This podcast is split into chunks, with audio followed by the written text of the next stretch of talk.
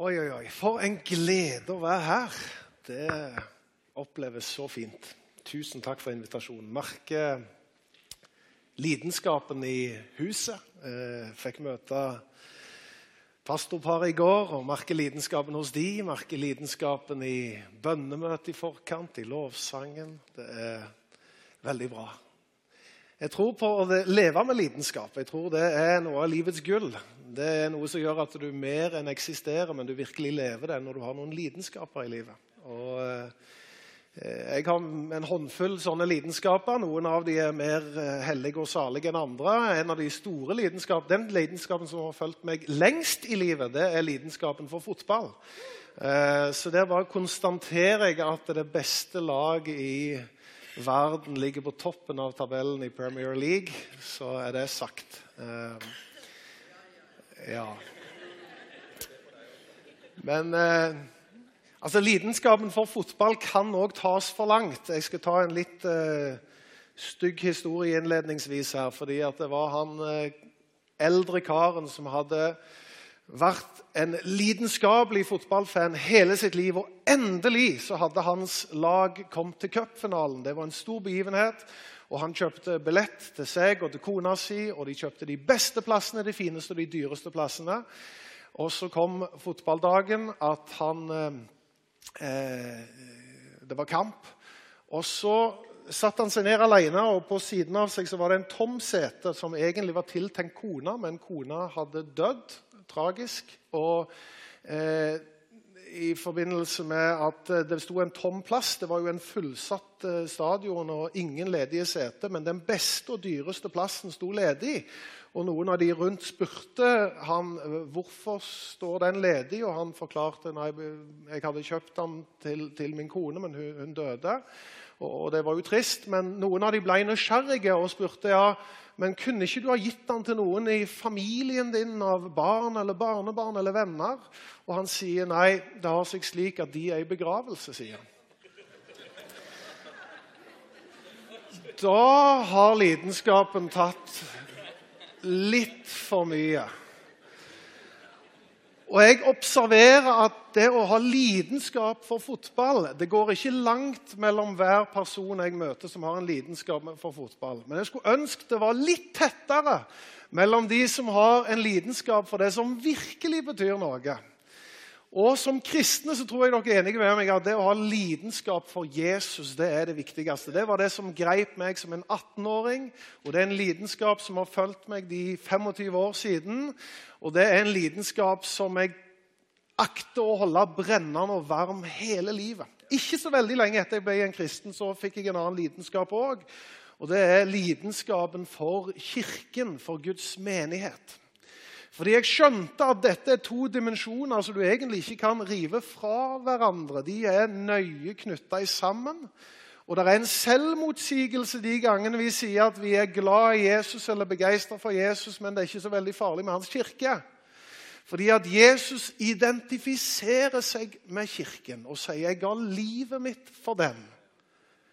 Det betyr at vi kan på en måte ikke skille de to dimensjonene. og Derfor syns jeg det er nærliggende å ha denne typen overskrifter. Nå er vi på første bilde fortsatt. Der det står 'Hjerte for kirken', eller 'Hjerte for huset', som dere har kalt det. Nå har jeg valgt å tilføye et ord, for jeg har valgt å skrive 'Hjerte for kirkefamilien'. Og det har jeg gjort helt bevisst. Fordi at familien er den ja, For de aller fleste av oss er det det næreste og kjæreste vi har. Og Jeg tror ikke det er tilfeldig at nettopp Bibelen bruker den metaforen når menigheten omtales. Det er at Menigheten er som en familie. Og Fra tid til annen så kommer det nye medlemmer til vår menighet. som det sikkert gjør her, og En av de vanligste tingene som også gjør meg veldig glad, det er at de kan si sånne ting som at eh, det føltes så godt å komme hit. Det var som å komme hjem. Det var som å komme til en familie. Og Da ble jeg varm om hjertet, for jeg tenker det, det, det, det er tenkt til når menigheten omtales. Det skal være som en familie.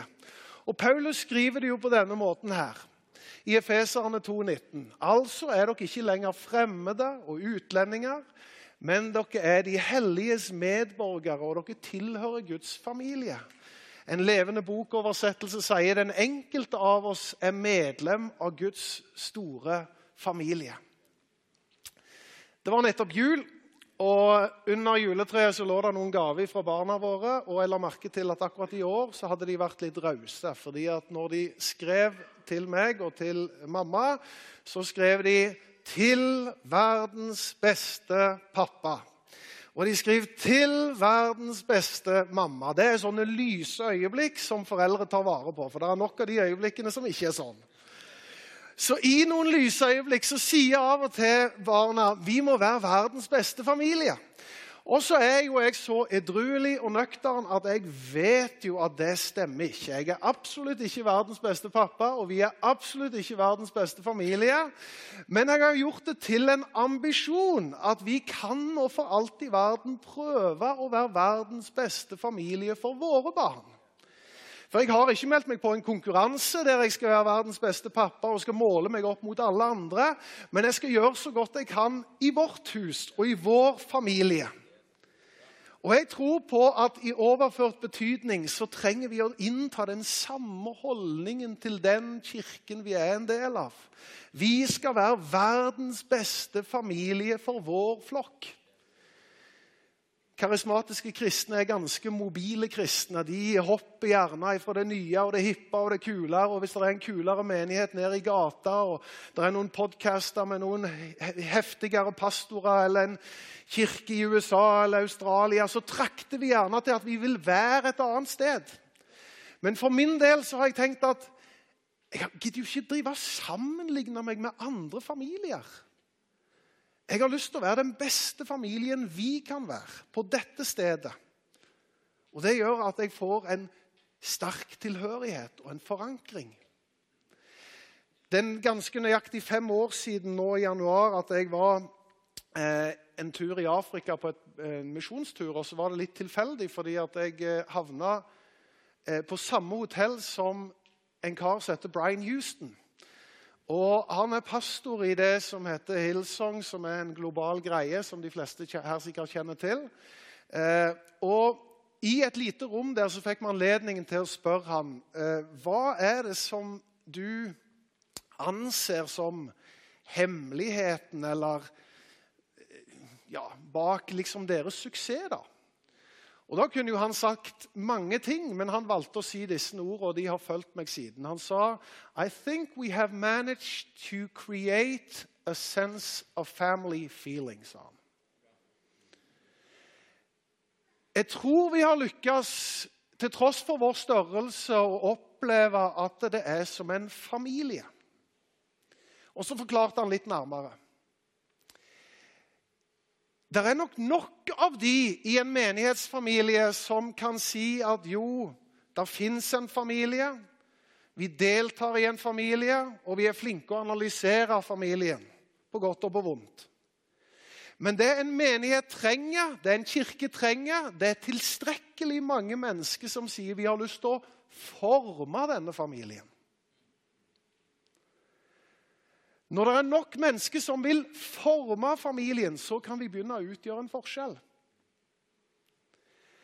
Og det har jeg tenkt at eh, Et av de bildene som siden har fulgt meg, det er den illustrasjonen som kommer opp på skjermen nå. det er at La oss innta en holdning av at vi skal være termostater og ikke termometer. For termometer kan si noe om temperaturen. En termostat setter temperaturen. En termostat er med å påvirker atmosfæren. Den andre sier bare noe om atmosfæren og tilstanden. Og Når vi er kirkefamilie, så tror jeg at det er så lett å være de som synser og mener og har synspunkter. Det sies jo av noen litt på spøkefullt da, at den mest utbredte kristne nådegave det er nådegaven, misnøyens nådegave. Jeg vet ikke om dere har hørt om den? Det står ikke om den i Bibelen, men det er en veldig utbredt nådegave det er at vi har et eller annet å henge noe på. Og jo mer sytemelding der er, jo mer sykemelding blir der i Guds menighet.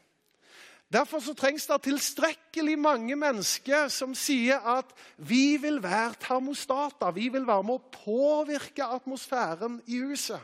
Vi vil være med å ha en lidenskap og et hjerte for kirkefamilien. Og Gjennom mine år som, eh, som pastor, har jeg hatt denne lidenskapen i 25 år, så har jeg etter hvert begynt å lokalisere noen av de tingene som jeg tenker er kvaliteter eller holdninger som preger de menneskene som har et hjerte for kirkefamilien. Det er sånne formende holdninger som er med å positivt sette temperaturen i huset. Og Jeg tenkte jeg skulle ta noen av de nå. og Jeg begynner med den første. Den første har jeg kalt for eierskap. Den kan lett misforstås. Men jeg har valgt det ordet eierskap, og her ser dere et bilde av min familie, eller vår familie. Og Nå er jo jeg stolt av den, så det er jo et poeng i seg sjøl å ha et bilde av den. Men når jeg har den fram nå, så er det først og fremst for å si noe om at jeg går ikke rundt og lurer på hva som er min familie. Når jeg skal reise hjem i dag og skal hjem til min familie, så reiser ikke jeg på besøk. Da har jeg en holdning av at dette er min familie. Her bygger jeg, her bor jeg, her investerer jeg. Og I overført betydning så tror jeg vi trenger å ha den type holdning til den forsamlingen vi er en del av. Ikke lure på hva er det som er min familie, hva er det som er mitt åndelige hjem. Eierskap i den, denne sammenheng handler ikke om å bestemme eller få viljen sin, men det handler snarere om å kjenne på en tilhørighet. Og tilhørighet kommer vanligvis av involvering. Når jeg involverer meg, og når jeg lander på et sted, og når jeg sier 'dette er min familie', så skjer det noe med mitt språk, min egen familie, som for meg er det næreste og kjæreste jeg har. Det er noe jeg verner, det er noe jeg beskytter, det er noe jeg snakker opp, det er noe jeg ber for, det er noe jeg engasjerer meg i. Og på den måten så bygger jeg familie. Jeg besøker ikke familie. Nå vet jeg at dette kan misforstås, fordi at dypest sett så er det sånn at det er ingen som kan si at de eier en menighet. Det er jo bare Jesus som kan. Matteus 16 sier jo det at 'jeg vil bygge min menighet'. Så det er jo Jesus sin menighet, og bare Jesus sin menighet. Men som vi leste fra Paulus brev eh, til feserne, så har han inkludert oss i denne familien. Så vi kan få lov å kjenne på tilhørighet å få lov å ha et språk av at dette er min familie. Det skjer noe genuint når mennesket omfavner den lokale forsamlingen og sier at 'dette er min menighet'. Den neste dimensjonen, eller kvaliteten om du vil, som uttrykker et hjerte for kirkefamilien, det er kvaliteten vennskap. Jeg er overbevist Eller jeg er glad for at hjemme hos oss så er det først og fremst ikke formaliteter eller det upersonlige som råder, men det er personlig. Det er nært. Det er selvsagt at på hjemmebane, så sant det ikke er et komplisert familieforhold, ja, så er vi personlige, så er vi hjertelige med hverandre. Og I overført betydning så er det klart at det fellesskapet som Jesus inviterer til, som skal være hans kirke, det er først og fremst et omsorgsfellesskap. Det er ikke et nakkefellesskap, men det er et sted der vi bryr oss om hverandre, der vi er personlige, og der det ikke handler om ritualer, men der det handler mer om relasjoner. Jeg hadde en fryktelig vond opplevelse her før jul. Det vil si han var vondest for de som opplevde det. Men en i kirken lokalt der han eh, døde under triste og tragiske omstendigheter, 40 år gammel, og etterlot seg enke og tre små barn. Skjedde rett før jul. En svær begravelse, og alt ved den er bare trist og tragisk. Og Jeg sitter i en samtale med enka etter, og hun er søndagknust på alle vis. Allikevel så evner hun å si noe. Hun sier det at eh, ja, For det første så har hun en veldig god kjernefamilie bak seg som er med og blir et sånn anker for henne, som er med og tar henne gjennom ting. Men så sier hun det. Det oppleves som jeg har et trippelnettverk, sier hun. Fordi at ikke bare har jeg en kjernefamilie som bryr seg, men jeg har troen på Jesus Kristus, som er absolutt det viktigste. Og uten det så hadde jeg aldri kommet meg gjennom disse ukene. så jeg, Det har vært så viktig for meg. Og så sier hun i tillegg så må jeg jo ha verdens beste menighet. Som stiller opp, og som bryr seg, og som viser omsorg. Og når kriseteamet i Sandnes kommune ble kobla inn, så sa de vi har aldri i vår levetid verken, altså Aldri har vi opplevd noe tilsvarende. Av nettverk som stiller opp og sørger for middag på bordet og lister i lang tid framover, overnatting og støtte og gå tur med og ta seg av barna og bønnestøtte og lange bønnelister for det neste året. Vi har aldri opplevd noe lignende, sier kriseteamet. Og da sier jeg dette er Guds menighet. Noen i lederskapet vårt opplevde at deres lille sønn på to år fikk en svulst på hjernen. Og Nå er det noen år siden, men de sa det samme. Vi har aldri, kunne aldri drømt om den støtten vi fikk fra menighetsfamilien. Det kan være mange grunner til at folk tar beina og kommer innom forsamlingen, men ofte så er det en hovedårsak til at folk blir. Det er selvfølgelig at de griper troen på Jesus, men det er òg at de opplever et unikt fellesskap. Det er at de opplever relasjoner og vennskap. Og sånn skal kirkefamilien være. Koinonia er dette greske ordet for fellesskap. Og hør i en bibelkommentar for noen år siden så hørte jeg noen sa at koinonia kan oversettes på denne måten. Det er å være like hengitt til hverandre som vi er til Jesus. Vær like hengitt til hverandre som vi er til Jesus. Alle kristne skjønner det er bra å være hengitt til Jesus, selvsagt. Men den utrolig utfordrende og nydelige dimensjonen som kirke er, det er at vi òg er hengitt til hverandre. Og Modellen finner vi jo i apostelgjerningene 2, der det står at de dette er en sånn levende bok-oversettelse. og Noe her er jo egentlig jeg vet det er teologer i rommet. Det står f.eks. de forpliktet seg til Bibelen. De hadde jo ikke Bibel, men uh, de hadde Ordet. De hadde de gamle testamentlige skrifter. Men det står de forplikta seg til læren fra apostlene når de delte liv og måltid og bønn. og Det var stor respekt som fulgte med dem. Og de var støtt og stadig samla. De hadde alt felles. Og det ble møtt behov gjennom sjenerøsitet. De var stadig sammen i hjemmene, de delte livet, de spiste sammen. Dette er modellen for den kristne menighet. Og jeg tror at noe av, jeg er så fint å se noe av det som er i deres program. Dere har after church, og dere har ting på kveldstid, og dere åpner hjem, og dere har husgrupper osv. Det er jo nettopp for å si noe av at vi som kirke er ikke bare det at vi ser hverandre i nakken, vi ser hverandre i øynene, vi blir kjent. Vi bryr oss om hverandre. Dette dette er kirke sånn som det skal være. Et hjerte for kirkefamilien det er oppdagelsen av vennskap. At dette handler om relasjoner og ikke bare programmer, ritualer og møter. Den tredje dimensjonen og den tredje holdningen som jeg er ute etter, det er det vi kaller for tjenerskap. Jeg har fått tenåringer i hus. Og eh, Opplevelsen er at de ikke har skjønt at vi er en familie og et hjem. De tror de er på hotell. Er det noen som har det tilsvarende, eller? Ja. De har totalt misforstått.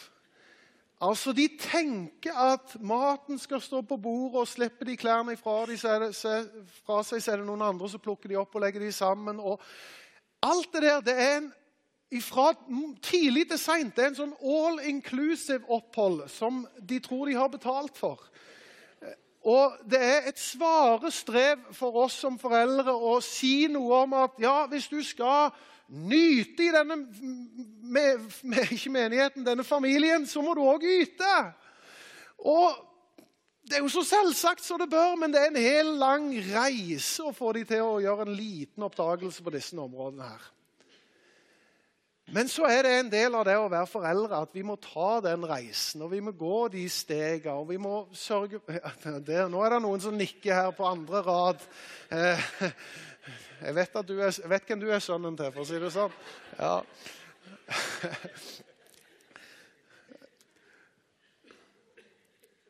Men dette er òg situasjonen i Guds menighet. Det at det trengs mange hender til å bære ansvaret. Det trengs mange til å tjene og betjene. Det trengs mange til å yte for at mange skal nyte. Og så har vi full forståelse for at det er sånn som det er hjemme. ja, fordi at Fra tid til annen så har kona mi vært eh, syk eller eh, svangerskap, krevende svangerskap. Da skjønner jeg at ok, men da er det noen som må ta litt mer, og så kan noen andre ta litt mindre. Når barna er små, så er oppgavene små. Når barna blir litt større, så er oppgavene litt større. Og Sånn er det òg i Guds forsamling. Vi har full forståelse for at folk kanskje Det er ikke sånn at kom inn her, og hvis du ikke kan nyte, nei, hvis du ikke kan yte, så har du ingen verdi. Sånn er det ikke. Tvert imot så sier Bibelen at vi som er sterke, skylder å bære de som er svake, sine byrder. Så det er noe ved at vi strekker oss langt. Det er ikke alle som klarer å yte på samme nivå. Det er ikke alle som klarer å bidra like mye, og vi har full forståelse for det. Men vi er så ute etter holdningen. Holdningen som sier at her er ikke jeg en gjest, men her er jeg en vert. Og Det er det stor forskjell på. Jeg vet ikke hvis du skal ha folk i ettermiddag, om du tenker, hvis de kommer hjem til deg, at ja, i dag er jeg gjesten. Nei, du tenker jo ikke sånn. Du tenker at du er verten. Og hvis det skal være plass til mange gjester i, det, i Sandvika og Pinsekirka Sandvika, så må det være mange verter. Vi driver ikke på hotellnivå der vi har en minimumsbemanning som skal betjene en helt stor mengde, og så er det veldig få som skal gjøre noe. Vi har mange, Det tapas, dette her. Alle kommer og bidrar på et visst nivå og med sine evner, sine gaver sine ressurser. Og Ofte så skaper det en enorm eierfølelse òg til Kirken når du er med og bærer fram dine evner og gaver og tjener. Det er det høyeste du kan komme i Guds rike, det er å være en tjener. Den som vil være stor blant dere, skal være de andre sin tjener, sier Matteus 20. Det er Jesus som sier det. Du kommer ikke høyere i hierarki og i Guds rike. Derfor bør innstillingen være til tjeneste. Det er jo drømmesituasjonen i en menighet når de kommer til pastor og lederskap og sier 'Morten, til tjeneste'. Ja, men Da blir det òg en family feeling som er helt unik. Den fjerde dimensjonen og holdningen som jeg er ute etter, det er det vi kaller for foreldreskap. Jeg kan ikke gå god for innholdet i alle disse drikkene her, altså. Men jeg tror du fanger poenget. At her handler det om å gi fra den ene generasjonen til den neste generasjon. Og uten at vi gir videre, ja, så dør greiene ut. Da ble det siste ledd i familien. Jeg har en innrømmelse. Jeg har vært i stor grad en egoist gjennom hele livet. I likhet med de fleste av dere. Vi er grunnleggende ganske egoistiske. Og så fikk egoisten meg en liten smell når jeg ble gift, for da skjønte jeg nå handler det ikke bare om meg, men nå er det oss to. Allikevel er hun såpass raus og snill at hun lot meg være egoist ganske lenge, men så fikk vi barn. Og så skjønte jeg nå må noe av egoisten dø. For nå handler det om de. Og mitt viktigste oppdrag i livet det er jo å fostre de. Og uten at jeg gir det beste jeg har, å fostre de, ja, så blir det mye rart i hjemmet. Altså, Hvordan hadde et hjem sett ut uten foreldre? Hos oss kan jeg garantere at det hadde ikke vært sunn kost. Det hadde ikke vært eh, Det hadde vært mye rart de hadde sett på TV. Det hadde vært eh, rimelig fly flyt av eh, spill og internettid. Altså, det hadde vært veldig få reguleringer uten foreldreskap. Foreldreskap er med å sørge for fostring, og foreldreskap trengs også i Guds menighet. Og Den grunnleggende innstillingen i foreldreskap det er at det handler ikke lenger om meg, men det handler om min neste. Det er noe som er viktigere enn meg. Det gjelder i stil og i form og i uttrykk. Dere er jo freshe her, og neste generasjon fokuserte, og jeg applauderer det, for jeg syns det er veldig bra. Fordi det sier noe om at det, er så, det viktigste er ikke vi som har vært kristne i 30, og 40 og 50 år. men det er de som kommer etter oss. Vi må fostre neste generasjon. Foreldreskap det, det, viser seg først og fremst i det som skjer på hjemmebane for dere som har barn og barnebarn. Det er at vi velger å si at jo, vi er selvfølgelig biologiske foreldre og besteforeldre og så videre, men vi er også åndelige foreldre. Vi gir troen videre. Vi sørger for å plante inn noe i neste generasjon. Vi engasjerer oss i barnearbeid og ungdomsarbeid. Vi, vi, vi, vi gjør husgrupper. For alt dette handler om fostring.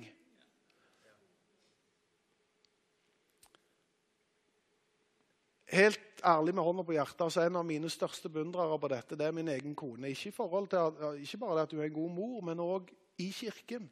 Så har vært lovsangsleder i 30 år, eller hvor gammel er hun? Ja, altså 25 år har hun vært lovsangsleder. Men hun har alltid vært minst like brennende opptatt av å trene unge mennesker i den samme tjenesten. Og Det gjør jo at det blomstrer, og det kan jo jeg se her òg.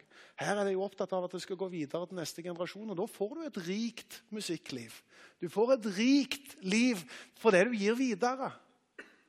Og Den type investering det er foreldreskap. Og Den må vi holde opp i menigheten. Det er med å uttrykke et hjerte for Kirken. Det er med å forme Kirken. Den femte holdningen eller dimensjonen det er det jeg kaller for forvalterskap. Her ser dere en jordklode som er tatt vare på. og det opplever jo Når vi blir familie, så handler det ikke bare om å forbruke ressursene. Vi må også skaffe mat på bordet. Vi må ta vare på hus og hjem. Vi må sørge for at det ligger noe igjen til neste generasjon. Det handler ikke om å ha en kundementalitet der det skal bare være nok til meg akkurat nå i dag. Men vi vil legge igjen en arv og vi vil sørge for at ting blir forvalta på en god måte. Og Da endres fokuset fra å være en forbruker til å bli en forvalter. Og Gud sier noe om at i hans hus og i hans menighet så skal noe av den samme holdningen prege oss. Vi skal være forvaltere av Guds mangfoldige nåde. Har du tenkt på det at Gud har en mangfoldig nåde? Altså Nåden til at jeg ble et Guds barn, er jo den største nåden av alle. Men det er ganske mange nåder jeg møter hver dag.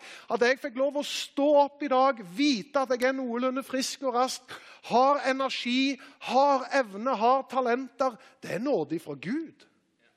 Mange tenker som så at ja, når jeg tjener mine penger i det profane yrket, og når jeg bruker mine evner og talenter, så er det min egen fortjeneste fordi jeg har oppnådd det jeg har gjort.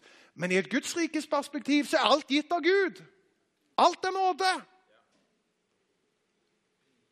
Det betyr at mitt hus, min bil, min karriere, mine evner, mine gaver, mine talenter, mine midler, mine ressurser, det er nådig fra Gud. Og med den innstillingen så blir jeg en forvalter. En forvalter som er med å bringe mine talenter og mine ressurser inn i Guds menighet.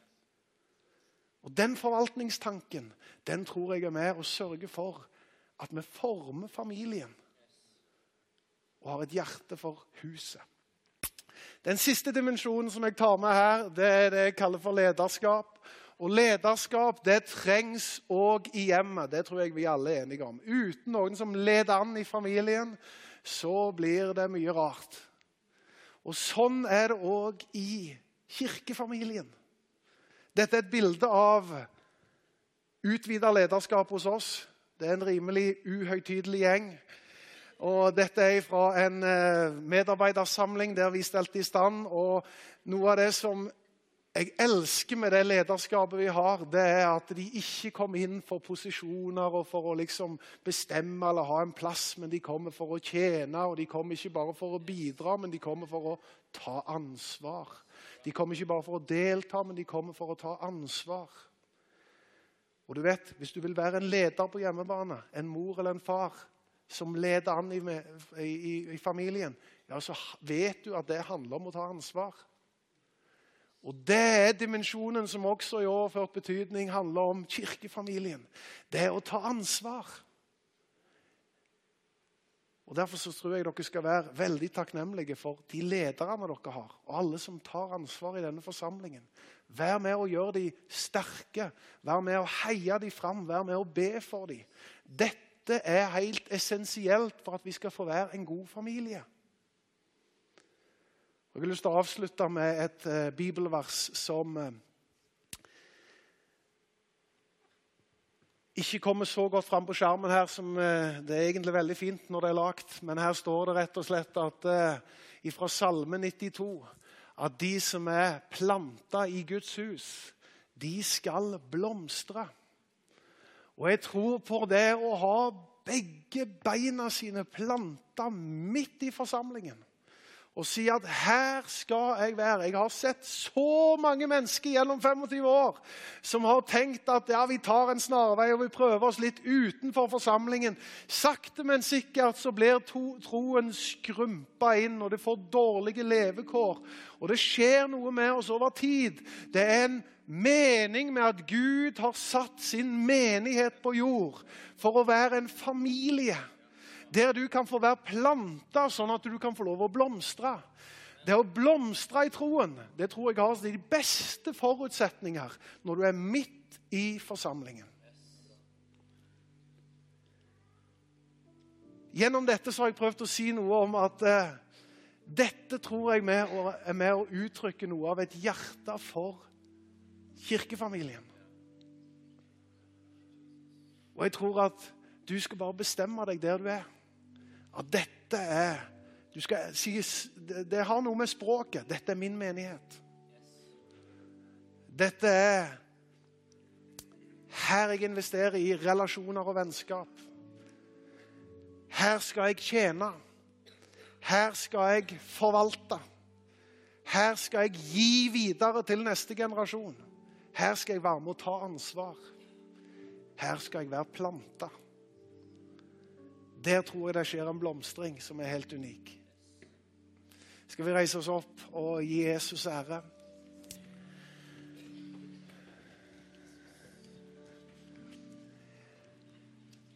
Vanligvis er jeg veldig tidlig i kirken, ofte sånn halv ni-ni. Og i dag så var det litt luksus, for jeg er på besøk, og da ble jeg ikke henta før halv elleve. Jeg fikk veldig god tid på morgenen. og i den gode tida så fikk jeg en god tid med Herren der jeg spurte gode Jesus, er det noe du vil Jeg hadde jo forberedt et budskap, men det er, også, er det noe du på en særlig måte vil at jeg skal dele inn i denne forsamlingen? Og jeg la øynene mine på et forholdsvis kjent vers, og jeg lurer på om det er, jeg, jeg skal ikke være for frimodig på dette, men vær åpen for at dette er et ord til Kirken. Og Det er noe som står i Jesaja 54. Det står om at vi skal spenne ut området for vårt telt. Vi skal liksom nå lenger ut. Duken skal breies lenger ut, snorene skal lenger ut. Men midt i det så må de bli fastere enn noen gang før. For skal vi takle å bli større og sterkere og utbre oss til høyre og til venstre og til øst og til vest, så må vi òg være mer forankra enn noen gang. Vi må òg ha faste teltplugger som bare sier noe om at jeg vet hvem jeg tror på, jeg vet hvor jeg tilhører, jeg vet hvor jeg engasjerer meg, hvor jeg har hjertet mitt, hvor jeg gir alt av evne og gave. Og Dette er jo ikke som en konkurranse mot andre menigheter. Det sa jeg jo innledningsvis. Vi er ikke i konkurranse med noen, men her skal vi skape verdens beste familie. Det kan være din innstilling. Og Hvis du tenker ja, det er sånn for meg at jeg trenger jammen å fastne de teltpluggene litt Jeg trenger å bare bestemme meg litt i hjertet. Så si det til Gud. Sett ord på det. Og Hvis noen av dere tenker det hadde vært fint å søke forbønn og blitt betjent, så kan det være så mange behov. Jeg har sagt at den viktigste personen i livet, den er jo da hjertet for huset, men hjertet for Jesus. Det starter alt med. Og Hvis du ikke har den hjertesaken i orden, hvis den lidenskapen ikke er på plass, så blir det veldig mekanisk å bare ha et forhold til Kirken. Du trenger å ha først og fremst et forhold til Jesus Kristus. Og Hvis du vil ta imot han som din frelser, så er han tilgjengelig. Han er klar i dag. Han er her, han er nå. Og han trenger, han vil møte oss i Jesu navn. Herre Jesus Kristus, jeg takker deg for denne kirken her. Takk for Pinsekirken. Takk for den familien det er for så mange. Takk fordi at uh, du har gjort det sånn at det er så mange som har et hjerte for kirken her, Herre. Og Herre, jeg takker deg fordi at det finnes eierskap og tjenerskap og lederskap og forvalterskap og vennskap og fellesskap her, Herre. Og vi priser deg fordi at du er sentrum av denne samlingen og denne menigheten.